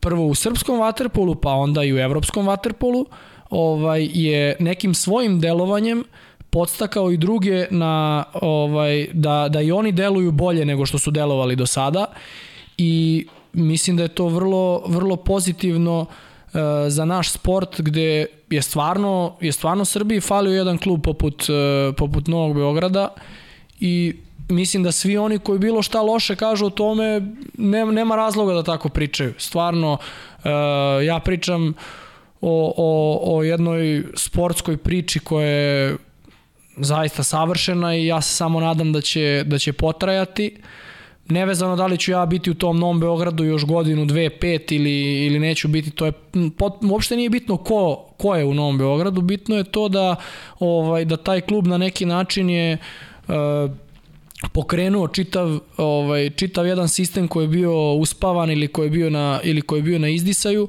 i nadam se samo da da ovaj da to neće biti e, kratkog daha uh mhm. -huh. nego da će to postati jedan standard. Kad kažem da će postati standard, tu mislim i na Novi Beograd kao, e, kao klub, ali i na situaciju u svim ostalim klubovima. Da će jednostavno mislim da bismo trebali da iskoristimo ovaj sada trenutak koji je u srpskom klubskom vaterpolu da se e, da to bude neki standard ispod koga ne idemo, nego da svi zajedno ovaj na na klubskom reprezentativnom nivou samo vidimo kako to može da bude bolje. Sad da li će biti prvak Novi Beograd, Radnički, Šabac, Zvezda, Partizan, to je to je manje bitno. Bitno je da da je kvalitet uh, igrača, bitno da igrači koji su najkvalitetniji igrači da budu u ovaj zemlji i da budu i da budu u svim tim uh, klubovima, a mislim ne treba da budemo ovaj treba da budemo iskreni da kažemo da Novi Beograd pokretač toga. Eto. E, ljudima često ne, ne dopire do mozga i prosto ne žele da vide stvari na pravi način koliko je uh, važno za, za igrače da imaju 4, 5, 6 zdravih klubova, da ne moraju da uh, se seljakaju i da odlaze u inostranstvo, da igraju za neke male klubove kako bi ostajali u formi ili nešto zaradili, već da je najbolje da igraju u domaćim klubovima. Vaterpol je naš najbolji proizvod. Definitivno, najviše sport koji donosi najviše medalja i nešto što ova zemlja treba najviše da vrednuje. Znači, skodno nekčijim rezultatu, to moraš tako da vrednuješ, tako da postojanje Novog Beograda i, i kvalitet ostalih klubova je neizmerno važan za budućnost vaterpola, vaterpola, a ono što je meni interesantno, malo smo se dotakli i pre emisije, prosto načeo si malo temu koliko je teško biti stranac. Da. Koliko je teško igrati u, u tuđini i kakva su očekivanja, koliko i život zna da bude onako vrlo težak, svi misle odeš negde pa ti tamo uživaš, ne znam, padaju ti i novci sa neba i sve neka, neka blagodet, pa ajde malo ispričaj tu poziciju koliko je tebi teško bilo da provodiš vreme da si praktično prisilno otišao iz, iz srpskog vaterpola, a onda si se vratio na nešto što treba zaista bude standard i da ne treba uopšte o tome da raspravljamo više. To je standard i to mora tako da bude zaovek. Slažem se, slažem se stvarno zato što mm, uopšte, e, to si dobro rekao, uopšte nije, bit, uopšte nije lako biti e, stranac u ekipi. Sad, e, ja ne mogu da pričam iz ugla ovih momaka koji su olimpijski šampioni, koji su igrali po najvećim klubovima, ali... Njih ovaj, ima malo, to, to, to nije vaterpolo. Ali, ovaj, ali, sam, ali sam siguran, ali sam siguran da, na primjer, u tom proreku uopšte nije lako biti stranac i siguran sam da e, tamo kada ne ide sve kako treba, ovaj, mislim da se sigurno ovaj na neki način gle, ovaj upire upire prstom i u i u strance. I ovaj opet druga stvar, e, eto imamo sad primer ovih, ovih momaka koji su osvojili svetsko prvenstvo do 20 godina i svih ovih mlađih koji dolaze, e, gde oni sada imaju jednu ligu od, ne znam, desetak klubova gde ovaj svi oni da svi oni mogu da igraju tu i mogu da igraju sa najboljim igračima i protiv najboljih igrača i mogu da budu u svojoj zemlji, mogu da se razvijaju i da onda jednog dana ako uopšte budu odlazili u inostranstvo da to bude sa ne znam 25, 6, 30 godina, daj bože nikad.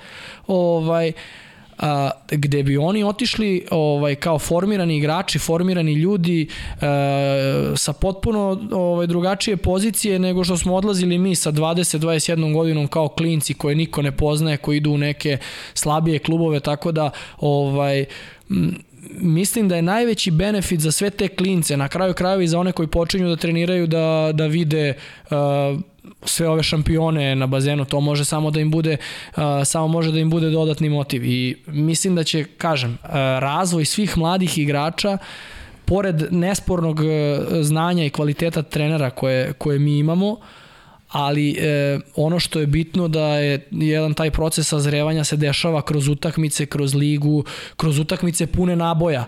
Tako da ovaj to, to samo može da ima to samo može da ima koristi pa na kraju krajeva i ovi što su sada ne znam ove godine osvojeno svetsko do 20 godina i ovi e, evropsko do 17 godina svi ti momci su igrali e, svi ti momci su igrali prošle godine to prvenstvo koje je već prošle godine bilo respektabilno mhm. -huh ne, znam, ne kažem da je to glavni razlog njihovog osvajanja svetskog odnosno evropskog prvenstva, ali mislim da je to u dobroj meri doprinelo da ovaj oni kad su otišli tamo su već prošli neke stresne utakmice, e, neke teške situacije, ovaj teške protivnike i da im je to pomoglo da da osvoje tamo. Pa kad pogledamo uspehe, uspehe, tačnije rezultate mlađe kategorije u prethodnoj dekadi, jasno dolazimo do zaključka šta je proizvod tih rezultata, upravo to što si rekao. Da, da, da. Jaka liga i mogućnost da ti mladi momci igraju pored starijih od kojih imaju da nauče. A kad pričamo o težini onoga što si ti prolazio i tvoja generacija, čisto da bi znali oni koji dolaze koliko je sada drugačija slika i zašto treba težiti da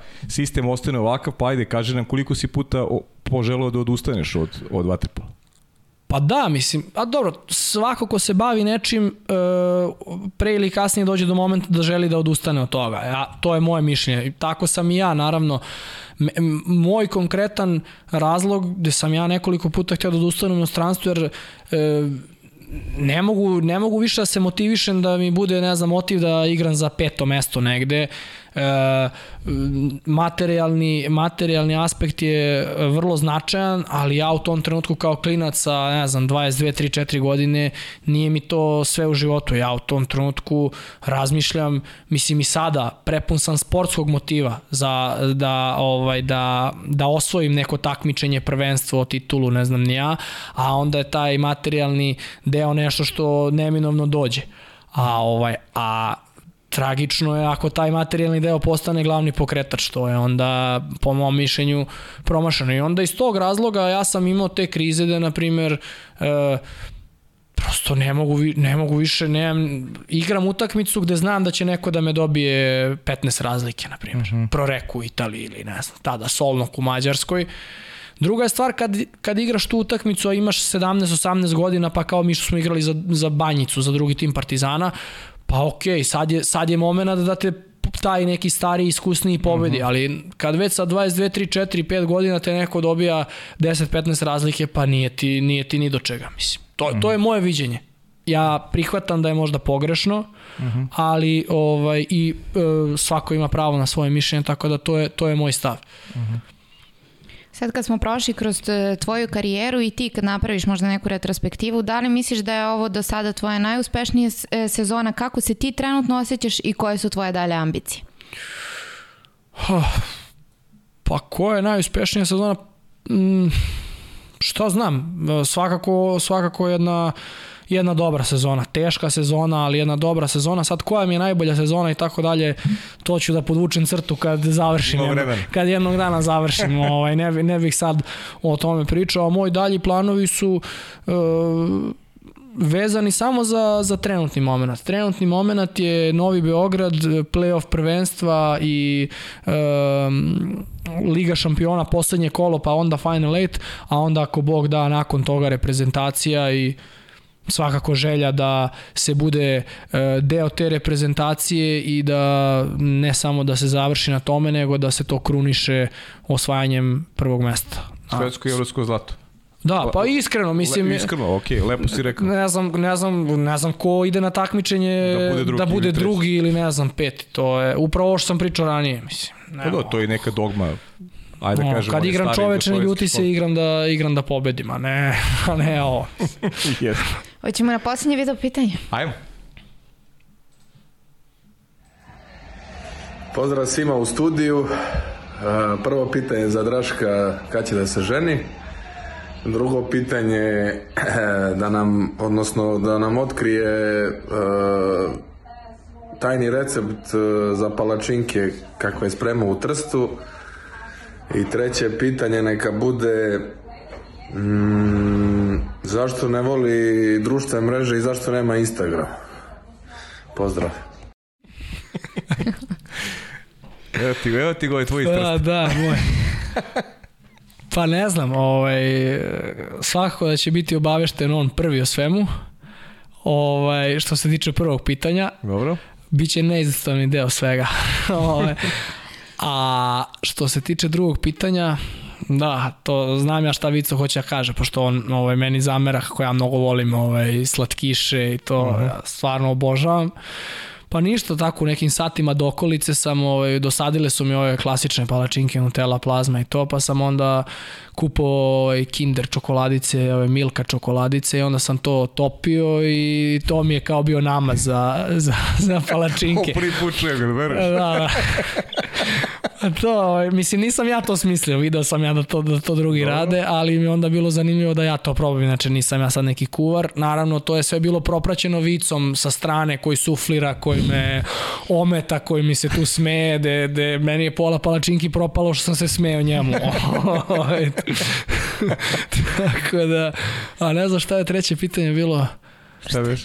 Društvene mreže. Da. Društvene mreže, da, da, da. Društvene pa ne volim, nisam taj tip ne mogu da dam neki sad konkretan odgovor, prosto ne volim. Ne, Insta... ne pronalaziš se tu? Ne pronalazim se tu sad nešto da ja da ja kačim sad sve šta radim kao ne znam, nisam popio kafu ako nisam okačio na Instagram, mislim Slažem se uh, ne volim nešto mnogo ni da se slikam, a i kad se slikam ovaj, te slike ako, oni ljudi koji ja mislim da treba da vide te slike i za koje ja imam potrebu da vide, ja ću im poslati te sliku, pokazat ću im tako da ne nema mi nešto mnogo poente u tome da sad ja šta god da radim okačim na, ovaj, na Instagram i kao eto, sad ne znam, svi mi pišu bravo ili ono, u, ne znam, I onako iskreno. Operisan sam od toga, stvarno. ne znam šta da kažem. Dobro. Ali evo, pozitivno vidim da ovaj, koliko, koliko čujem nema ni vicu Instagramu posljednje. Da, ali već je najavio da će da ga vrati. Jel ga vratio već? Vratio je. A vratio je već. već. Dugo je izdržao. vratio je, vratio je. Ovdje nam je u misiji znam, rekao da će Znam, vrati. zapratio me, zato znam. Aha, dobro. ja imam zbog podcasta, ali već me zapratio, tako da je tu. Aha, dobro, dobro. Eto, či imaš informaciju, e, ekskluzivnu informaciju. Ekskluzivno, ekskluzivno, Nemanja Vica vratio, vratio, vratio, da, da. vratio se Instagram. Pa to će boom biti sigurno, pa to. Pa da, to je već, to je već. Svi znaju to, nema greške. Ništa, e, hoćemo da prelazimo na pitanja. Pa imamo, da, imamo mnogo pitanja, možemo da prelazimo na pitanja, da, tako da ako se još nešto, nečeg setim i ako se Draško nečeg seti, vratit ćemo se. Da, imamo, imamo Aleksandrina pitanja kao i svake emisije. E, zjavio je da se kao mali ugledao na Vladimira Vujesinovića koji mu je bio trener u Partizanu i koji ga je uveo u seniorski vaterpolo, kao i da je to uticalo na odluku da pređe u Novi Beograd. Kako je sarađivati sa Vujesom, šta je naj, najdragocenije što je od njega naučio i kako bi ga opisao u par reči? Hmm, pa Vladu bih opisao kao nekoga ko živi vaterpolo. On stvarno živi vaterpolo. 24 sata on samo ovaj, misli o vaterpolu, priča o vaterpolu i on je pokazao koliko posvećenost može da, da donese. Ovaj, tako da saradnja sa njim, mislim već smo pominjali, stvarno vrlo značajna i bilo je, bilo je često puta jako teško, ali plodonosno. Eto. Uh -huh. E, izjavio je da je njegovo mišljenje o novim vaterpolo pravilima e, kao kod većine nije pozitivno jer je izrabljivanje igrača maksimalno, a suštinske promene nema. Da može šta bi prvo promenio što se pravila tiče? Što se pravila tiče... Ne znam i gde sam ovo izjavio. E, što se pravila tiče, pa vratio bi možda malo da budu... Mm, ne znam, recimo, meni ne, neverovatno kako se, ovaj, kako se sviraju ti izbačaj na 2 metra bez lopte, recimo. Mislim, da to, mislim da to sve nas uh, živcira, gde vi sad više apsolutno, apsolutno nema pravila. Sve je neki, uh, sve je neko neko subjektivno viđenje mm. uh, sudije. Koji... A zamisli kako je nama koji nemamo pojma, koji nikad nismo se bavili. Meni se dešavalo često puta da me drugari, na primjer, koji, ovaj, uh, koji, koji se ne bave vaterpolom, koji eto gledaju vaterpolo uh, onako, kao što ja gledam neke druge sportove, koji me pitaju kao zašto, zašto je bila ta sudijska odluka ili ta, ja ne znam da im odgovorim. Zato što masu puta, ja ne znam, nešto se, e, mislim, eto, bila je sad recimo, da, da, da ne govorim, u, u utakmici e, Partizan Radnički bila je jedna situacija koja, e, koja je na jedan način okarakterisana, dok je e, druga situacija koja je, ovaj, koja je u utakmici našoj sa Španijom ista takva situacija okarakterisana potpuno drugačije, mislim, mm -hmm. tako da ne znam, ja bih promenio možda sad ovo e, za, za dodir sa leđa kad da je odma peterac to šta znam nekako ne znam ali, ali malo bih gledao bih da nekako ta pravila budu jasnija da se zna šta kad kako. Ne mogu ovako odmah da se setim nečeg konkretnog da sad kažem. Da ali, ali zamisli pustiš sudije da oni sami e, procenjuju da li je dodir sa leđa peterac ili nije. Ima sad i tu jedna druga vrsta zamke gde, gde može neko da se favorizuje znaš da kažeš ka, kako ti procenjuješ koji, koji dodir sa leđa je, je dovoljna kazna peterac, a kakav dodir sa leđa nije peterac? I to opet dolazimo opet do tog nekog domena slobodnog sudijskog uverenja, koje kakav god pravila da napraviš, ti opet dolaziš na kraju do, do tog nekog domena sudijsko uverenje. E, upravo to je da. nešto što si le, lepo rekao. Vrlo često smo svedoci na istoj utakmici. Da imamo iste Jest. situacije, a da, a da sudije drugačije uh, odlučuju o tome šta je kazna, šta nije kazna. Tako da Pa ne znam, mislim, ja ne znam zašto sad, ne, ajde, ovaj, ti se svakako više pratiš uh, sve sportove i sigurno si upućeni. Ja ne znam da li se u jednom drugom sportu toliko često menjaju pravila kao u waterpolu. Ajde da pričamo recimo o, o, o, što se tiče kolektivnih sportova. Ne, ne, definitivno. Ja, ja sad ne znam, ja stičem utisak da uh, se da ovaj da u vater da vaterpolo pokušava da se popularizuje na taj način što se kao ovaj stalno menjaju neka pravila da ja mislim da je to potpuno da je to potpuno bespredmetno mislim ne treba mhm. uopšte ne treba uopšte menjati pravila da bi neki sport bio da bi neki sport bio popularniji po mom mišljenju ova prethodna pravila koja su postojala su bila sasvim ovaj zadovoljavajuće. Sad ne znam, ne znam šta će novo da bude, verovatno će neke nove promene biti. Mm -hmm. Ko zna. A koje je tvoje mišljenje o ovom VAR sistemu? Ja da budem iskren, još nisam odigrao ni jednu utakmicu gde je e, bio upotrebljen taj VAR sistem. Ali mislim, ako su svi sportovi to uveli, e, zašto i mi ne bismo uveli? Nismo mi jedini pametni da ne uvedemo, a svi su drugi uveli. Tako da mislim da to može da, e, da doprinese ajde regularnosti u, u nekim momentima. Tako da nemam, nemam ništa protiv toga. Za malo da ne bude toga u Tokiju. To je posebna priča, da. E, ali jedino, jedino šta je, eto recimo meni kao vaterpolisti je nejasno e, kako se dolazi do toga da se, e, da se konsultuje VAR. Mhm. Uh -huh. Uh -huh. Pošto znam da je recimo u tenisu i odbojci e, treneri su ti koji zatraže za određenu situaciju VAR. Tako i treba da bude. Tako i u hokeju na ledu isto. E, ne znam kako u, u Waterpolu to nije slučaj. Znači, opet, opet se ostavlja e, sudi slobodan izbor da li će on neku situaciju da prekontroliše ili neće. Koliko ja znam. Da, da. I da, koliko Sad ne znam. znam, to se ne prikaže nama gledalcima, to, to ne, vraćanje. Ne, ne. I to, isto, to samo da. oni pogledaju i onda se donese ta odluka. Ne, protiv Španije smo pa. videli jako lepo Tako da, je, da, da, da. da, da ono prosto Da, da. E sad ima tu, za, za tu utakmicu sa Španijom, sad smo baš nešto u, u Podgorici, je bila priča oko toga da, valjda ne znam, gleda se e, kako je stativa, pa se gleda neka prva linija stative, nešto, ono kako, kako je debljina stative, pa ovaj, ako, je, ako je ovamo gol, a ovo je stativa, da se gleda ova prva linija ovde. Pa onda kao ako lopta samo tu liniju pređe, ne mora ovu da pređe, onda je gol, ali mislim, A, ne znam, prilično ne. Ali lopta cijelim obimom treba preći. Ako je prešla cijelim obimom u e, prvu stativu... Da li cijelim obimom ili dve trećine ili mislim opet ne znam. Da. Eto, ja koji igram waterpolo ne znam do detalja svako pravilo. Da. I okay. verujem ni ostali, ne znam. Dobro, mi imamo u planu svakako da dovedemo nekog sudiju, pa, da. pa, pa Biće prilike mada da verovatno ima da. razlike među njima. Opet, koliko ćemo uspeti ne, da, ne da razjasnimo neke da, stvari, da, ne pa ne da bi smelo, ali... Uh, sledeće pitanje bio je juniorski prvak sveta, pa kako se seća tog takmičenja u Kazahstanu 2015. godine? O, da, da, lepe uspomene. Da, to je sa mojom, sa mojom generacijom. Da, do, do 20 godina. E, tada se recimo, evo, idealno na, nadovezujemo se idealno na temu pravila, jer mi smo to prvenstvo igrali po eksperimentalnim pravilima, uh -huh. e, gde je tim činilo 11 igrača, e, uz obavezu da u timu bude 9 igrača i 2 golmana. Uh -huh. A pet igrača i golman u polju. Sa uh, manjim loptama, ovim ženskim loptama i da je teren bio kraći 5 metara.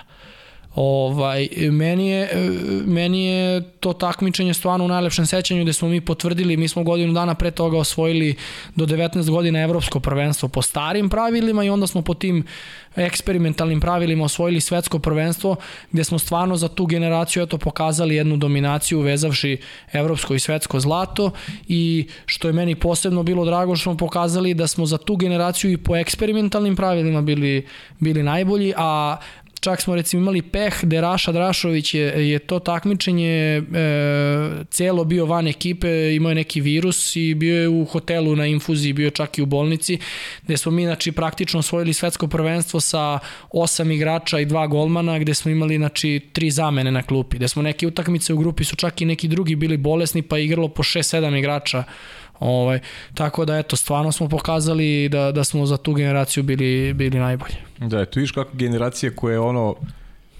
Zvezda se ugasila, Partizan, morali ste svi da odete i evo kako ste se okupili sada ovaj, da. i polako vi sad treba da preuzmete štafetnu palicu kada govorimo o, ovaj, o nekoj budućnosti, ajde da kažem.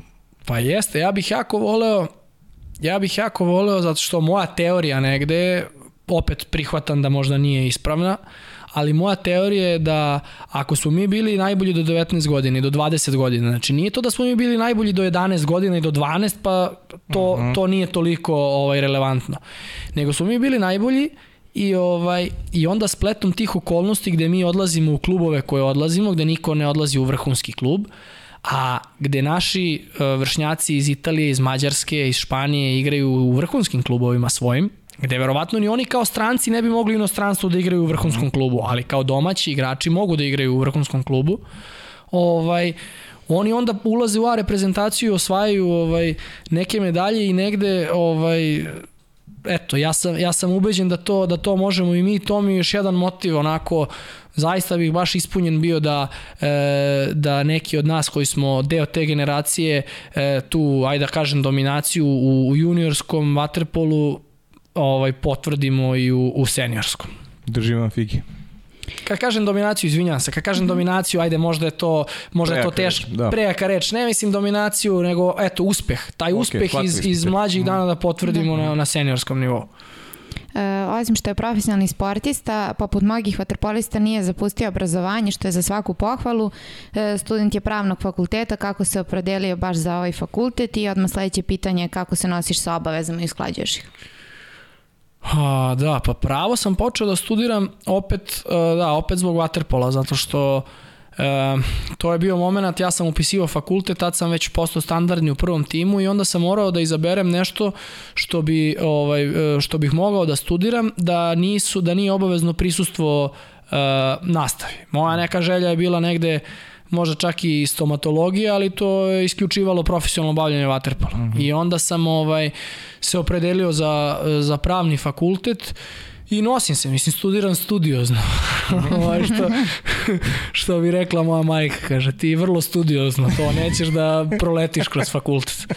Pa ide, ide dosta sporije od, od, od moje generacije, ali šta da radim, neću, neću odustati sigurno, kao, uh mhm. -huh. kao i ni u čemu. Ja sve što počnem završim, tako da završit ću ga na kraju krajeva jednog dana kad završite neki fakultet, niko vas ne pita koliko ste studirali, nego znate ili ne znate da radite Tako je. to.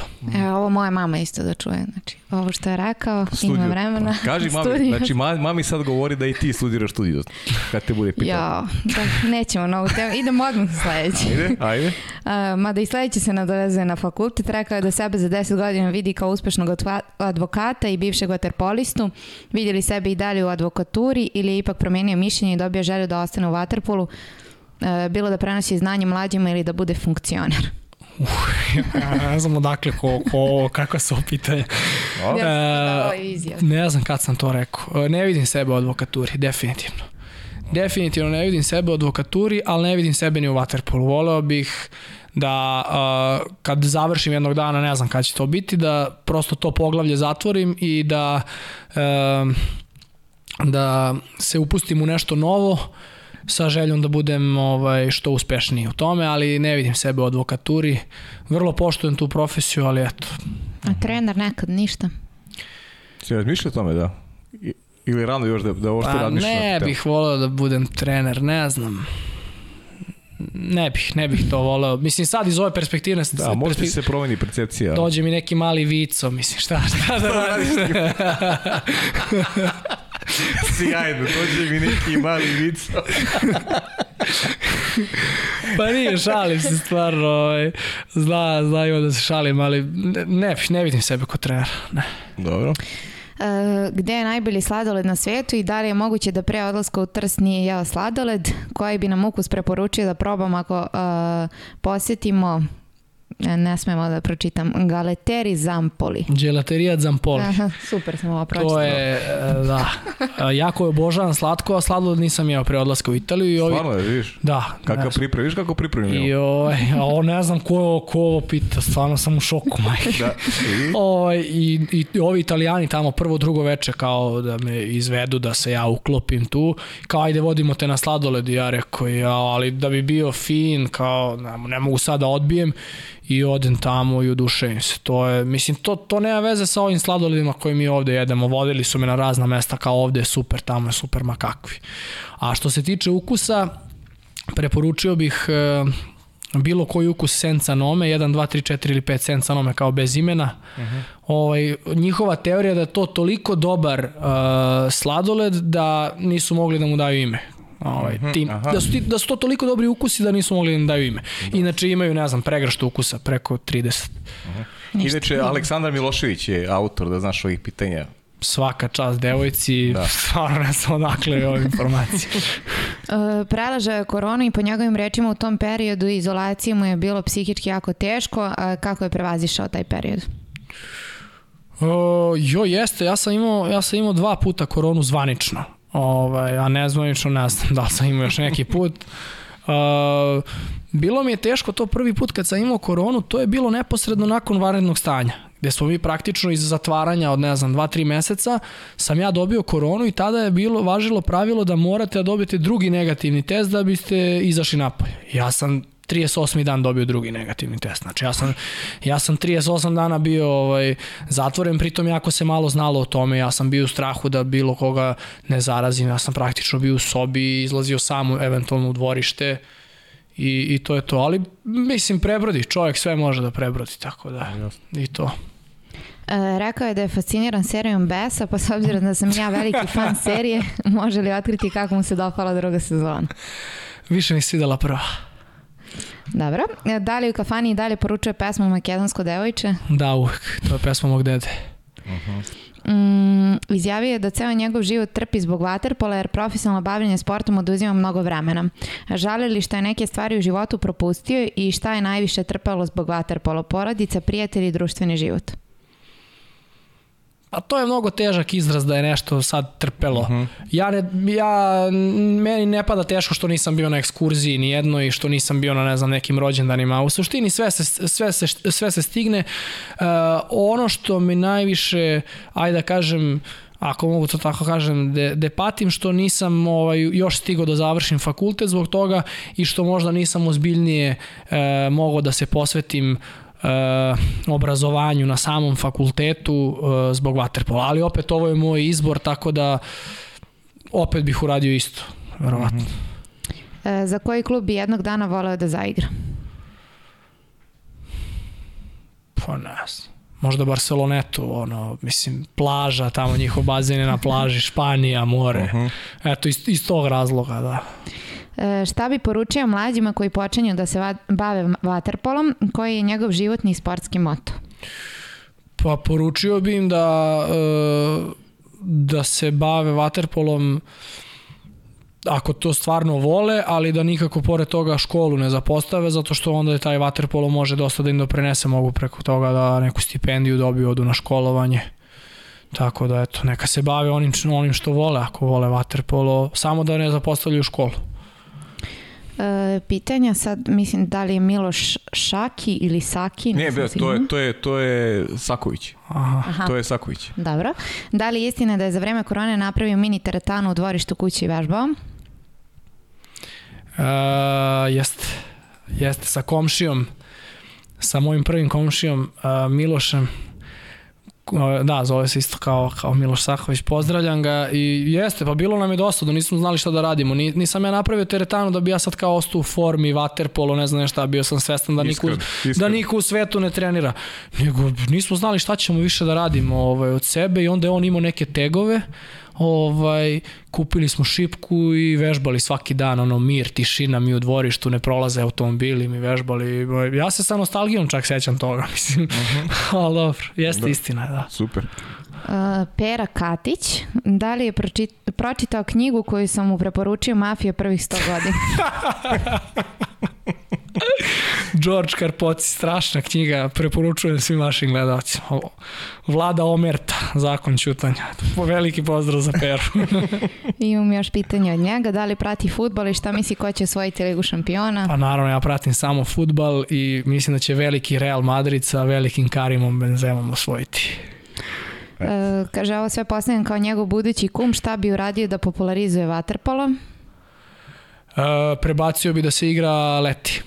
Isključivo Aha. leti da se igra i e, moje mišljenje je da, da bi to dovelo do popularizacije vaterpola svi pričate o tome i ja ne mogu da verujem kako, zašto se to prosto ne dogodi. Mislim da sad ne razrađujemo ovde čitavu, okay. čitavu okay. priču, ali suštinska stvar je da se igra tokom leta klubska sezona, a mislim da vrlo lako može da se, mogu da se upakuju i, i reprezentativna takmičenja, ovaj, kad je svetsko prvenstvo, svetsko prvenstvo može da se igra na južnoj polulopti da bude leto i tamo, mislim. Uh -huh.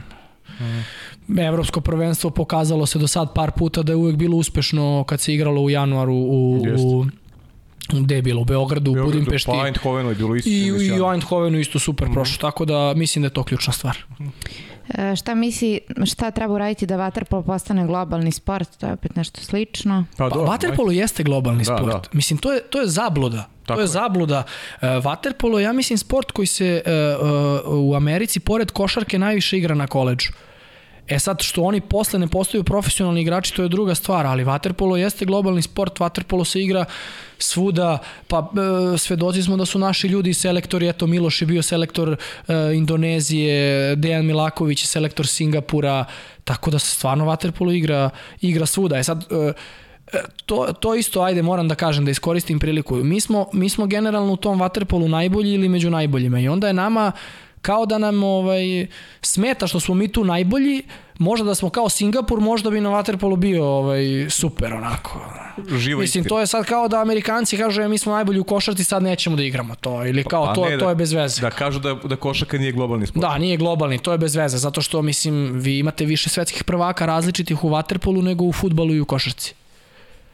Znaš, ja, ja Šta košarka, govorim, mislim, uvek odu Amerikanci tamo dobiju finale 30 razlike. I to je super, a ovo nije super. Futbol je kao najmasovniji sport. Ti imaš pet zemalja koji su favoriti koji uvek osvajaju titulu Da. prvaka sveta u Da. futbolu. I nema, nema šesti, nema sedmi, nema, zna se kojih pet zemalja i to je to. I to je to, mislim. Tako da ne treba mi nijednog trenutka da se, da se poredimo i takmičimo sa futbolom i košarkom, ali samo ja kažem, treba prebaciti da se igra leti i da se vidi šta će da, kakve će biti posledice toga.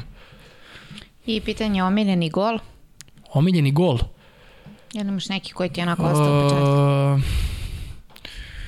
uh, jest, za, za gol za pobedu u finalu svetskog prvenstva u Kazahstanu. Aha, a gol za pobedu si dao, Da, da? da? da. Vidiš, to nisam znao. Vidi da nema možda još nekih pitanja, ali Ima. u suštini... Uh, Ima, ima, ima pitanje, mora da ti pitam, pi- da li, ti, da li je tačno da te zovu debeli dečko? A ja zaobiđem to pitanje. Ne, da Ne, ne, nema, slobodno, slobodno. A, pogađajte tri put ko je tvorac nadimka. Vico. Da, normalno. Zato što ima onaj a, u svemirskom basketu kada ovaj kad, kad onaj se kao ovaj, Jordanov pratilac kad se sakrije u slačionicu ovih onih zveri i onda ga ovaj kao nanjuši kao evo to je debeli dečko i onda je Vicu došao jedan dan mislim ja ne krijem ja volim da jedem i onda sam u jednom periodu stvarno bio u goju i onda Vicu dolazi kao evo to je Draško debeli dečko E, a pitate Miloš još nešto Saković. Kaže, da li, da li ga davanje golova čini srećnim i zašto da? čini me srećnim Činite Pa volim, volim da dam gol. Mislim šta, pa neću da se foliram, volim. To je ono što smo pričali, apropo šuta i onoga kako si gradio ovaj, i da kažem neki, neki karakter kroz kroz ovaj, tu neku sigurnost koju imaš prilikom, prilikom šuta. To je stvarno primetno, to moram ti kažem. Da li ima nešto što te mi nismo pitali, a da bi ti istakao? Pa ne znam, mislim da sam sve pitali. Da, pa- I više nego što sam očekivao e, znaš šta još? s ovim nekim pitanjem. Da, da ne zaboravimo, to, to sam zaboravio, to sam teo od početka pa sam odložio za kraj vezano za reprezentaciju. Tebi ovo nije prvo učešće u reprezentaciji sada Podgorice, imao si ranije nastupe i tako, pa ajde malo da se prisjetiš da se prisjetiš ka, kad si prvi put pozvan, ko te je pozvao, za koju akciju, koliko si nastupa upisao do sada i malo da mi kažeš trenere koji su onako, koje ti negde najviše vrednuješ, mada si pričao kroz emisiju ko ti je sve pomogao kroz, Da. kroz karijeru. E, pričao sam, pa e, prvi nastup je bio e, baš posle tog svetskog prvenstva u Kazahstanu, bila je svetska liga na tašu sa Francuzima uh Mhm. -huh. i tu je, ja mislim, sedam nas. E, eto, to je, da kažem, e, to nas je e, Deki Savić, selektor, mogu da tako kažem, i nagradio za to svetsko zlato što smo, ovaj, što smo eto, dobili priliku da svi zajedno debitujemo na tašu protiv Francuske, to je 2015. godina. Ovaj, tako da me Deki ovaj pozvao u, u, u reprezentaciju. On mi je bio selektor i u mlađim reprezentativnim kategorijama pre nego što je on postao selektor uh, seniorske reprezentacije i sigurno ovaj jako puno uticao na mene. Pored njega Vladu sam eto već -huh. pomenuo koliko puta u Partizanu Kole. Uh -huh. Svakako ovaj neverovatan doprinos. Uh, bio je u Zvezdi Miloš na početku, eto, koji mi je dao, da kažem, taj neki temelj. Pre njega Džale, gde sam ja više se igrao vaterpola. Uh -huh. e, Uroš u Zvezdi, Stevanović. Um, koga bi još tu istakao? Mislim da se sad neko ne uvredi, stvarno je bilo, stvarno je bilo mnogo, mnogo trenera uh, koji, su, koji su uticali uh, eto, to je to, da sad ne nabrajam baš svakog uh, pojedinačno. Uh -huh, uh -huh. Pa ništa je kažem još pre nego što dođemo do ovog posljednjeg pitanja, ovaj, Uh, ti si vezan ugovorim tako za Novi Beograd, pričao si ajde da, da neki, neki planove praviš samo ove kratkoročne planove koji su vezani za, za kraj sezone i ovaj, ajde neka procena tvoja kako će se završiti tekuća ova klubska sezona da li očekuješ, da li možda Novi Beograd još dva trofeja, osvojili ste regionalnu ligu što je eto zaista bio odličan rezultat i uh, drugi srpski klub za redom koji je osvojio titulu u regionu, pokazatelj koliko se dobro vaterpolo igra igra u Srbiji, pa ajde neka procena analiza onoga što nas čeka do kraja, do kraja takmičarske godine. Pa da, analiza, eto, ide taj, uh, ide uh, finalni deo prvenstva, gde ne treba ništa da krijemo. Ambicija nam je da uzmemo ovaj, uh, prvenstvo i mislim da za nas bi sve sem toga bilo neuspeh, stvarno. Mm. Tako da, eto, uh, nadam se i verujem da ćemo u tome uspeti. Onda što se tiče Lige šampiona, opet, mislim, niko, verujem da ni jedna ekipa ne dolazi na Final Eight da izgubi, da svi dolaze tamo uh, sa nekim ambicijama, mi igramo Final Eight kući, uh, imamo ekipu kakvu imamo, prema tome mislim da treba jedini cilj i jedino treba da razmišljamo o tome da, da osvojimo tu ligu šampiona i mislim da je to vrlo izvodljivo. Nadam se da će, eto, uz Božju pomoć, da, da će se sve poklopiti i da ćemo, da ćemo doći do tog trofeja, a put kojim ćemo doći je manje bitan. Pa ništa, to je to. Naravno, za kraj uvek ostavljamo porodicu. Eto i sam si istakao da su te roditelji odveli prvi put na bazen. Koliko su ti oni e, bili podrška i koliko ti evo danas e, tvoja devojka podrška u svem ovom? Pa, roditelji svakako najveća, mm. najveća podrška. E, porodica je nešto naj najznačajnije što, što čovek može da ima i ovaj, ja sam svojim roditeljima beskreno zahvalan stvarno na svemu i um, neke sam um, neke sam stvari shvatio ovaj, i postao im tek zahvalan kad sam otišao na stranstvo, kad sam sam krenuo da živim. Ovaj, tako da eto, vrlo sam im zahvalan uh, čitavoj mojoj porodici, ovaj, ne, moram da pomenem moju tetku, ovaj, koja zaista podrška mog ovaj mog brata uh, eto nekada kad sam bio klinac i moje ovaj moja dvojica deda koji više nisu ovaj živi su me vodili i oni na treninge tako da ovaj ne mogu ni to da zaboravim. Ovaj devojka mi je svakako ovaj isto uh, uvek bila podrška tako da zahvalan sam stvarno, zahvalan sam Bogu na, na tome što imam takvu porodicu i mislim da ovo sve drugo je manje važno sprem toga. Mm, sjajno. Sjajno, ja ću samo još jednu stvar sad se sjetio ovaj, da delimo istu strast, ovaj, Hajduk Livan, srpski šampion. Ja kažem Hajduk Livan, evropski šampion. delimo istu strast, tako da ćemo, možemo da se nađemo na Lionu jednom prilikom da zajedno odgledamo ovaj, da, nadam se. našeg, našeg kluba. Našeg, našeg Hajduka, da, tako da, je, da. Hajduka. Lokal patriot. Lokal patriot. Lokal, uvek, uvek. Tako je. Ništa, ja ću polako da odjavljujem ovu emisiju. Mi za sledeći četvrtak imamo neke planove, ali nećemo još uvek ništa da govorimo. Svakako pratite naše Instagram profila, do tada uživajte u ovom divnom razgovoru. Pozdrav!